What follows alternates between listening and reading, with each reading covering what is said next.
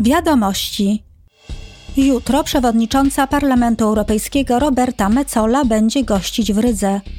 Spotka się tam z przedstawicielami władz lokalnych i wygłosi przemówienie.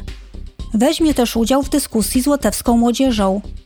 Po południu przewodnicząca odwiedzi z kolei Wilno, gdzie spotka się z prezydentem i premier Litwy. Weźmie też udział w ceremonii rozpalenia ognisk z okazji Dnia Obrońców Wolności Litwy. Grupy polityczne przygotowują się do sesji plenarnej parlamentu, która rozpocznie się w poniedziałek w Strasburgu. Europosłowie będą debatować nad stanem wspólnej unijnej polityki zagranicznej i bezpieczeństwa oraz polityki obrony. Następnie przyjmą swoje stanowisko w głosowaniu. Europosłowie omówią ponadto wpływ Chin na unijną infrastrukturę krytyczną. W programie sesji także dyskusje o mowie nienawiści i przestępstwach z nienawiści.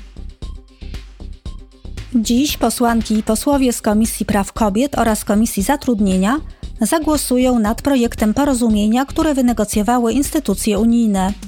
Porozumienie to dotyczy norm funkcjonowania organów do spraw równości w dziedzinie równego traktowania i równych szans kobiet i mężczyzn, jeżeli chodzi o zatrudnienie i pracę.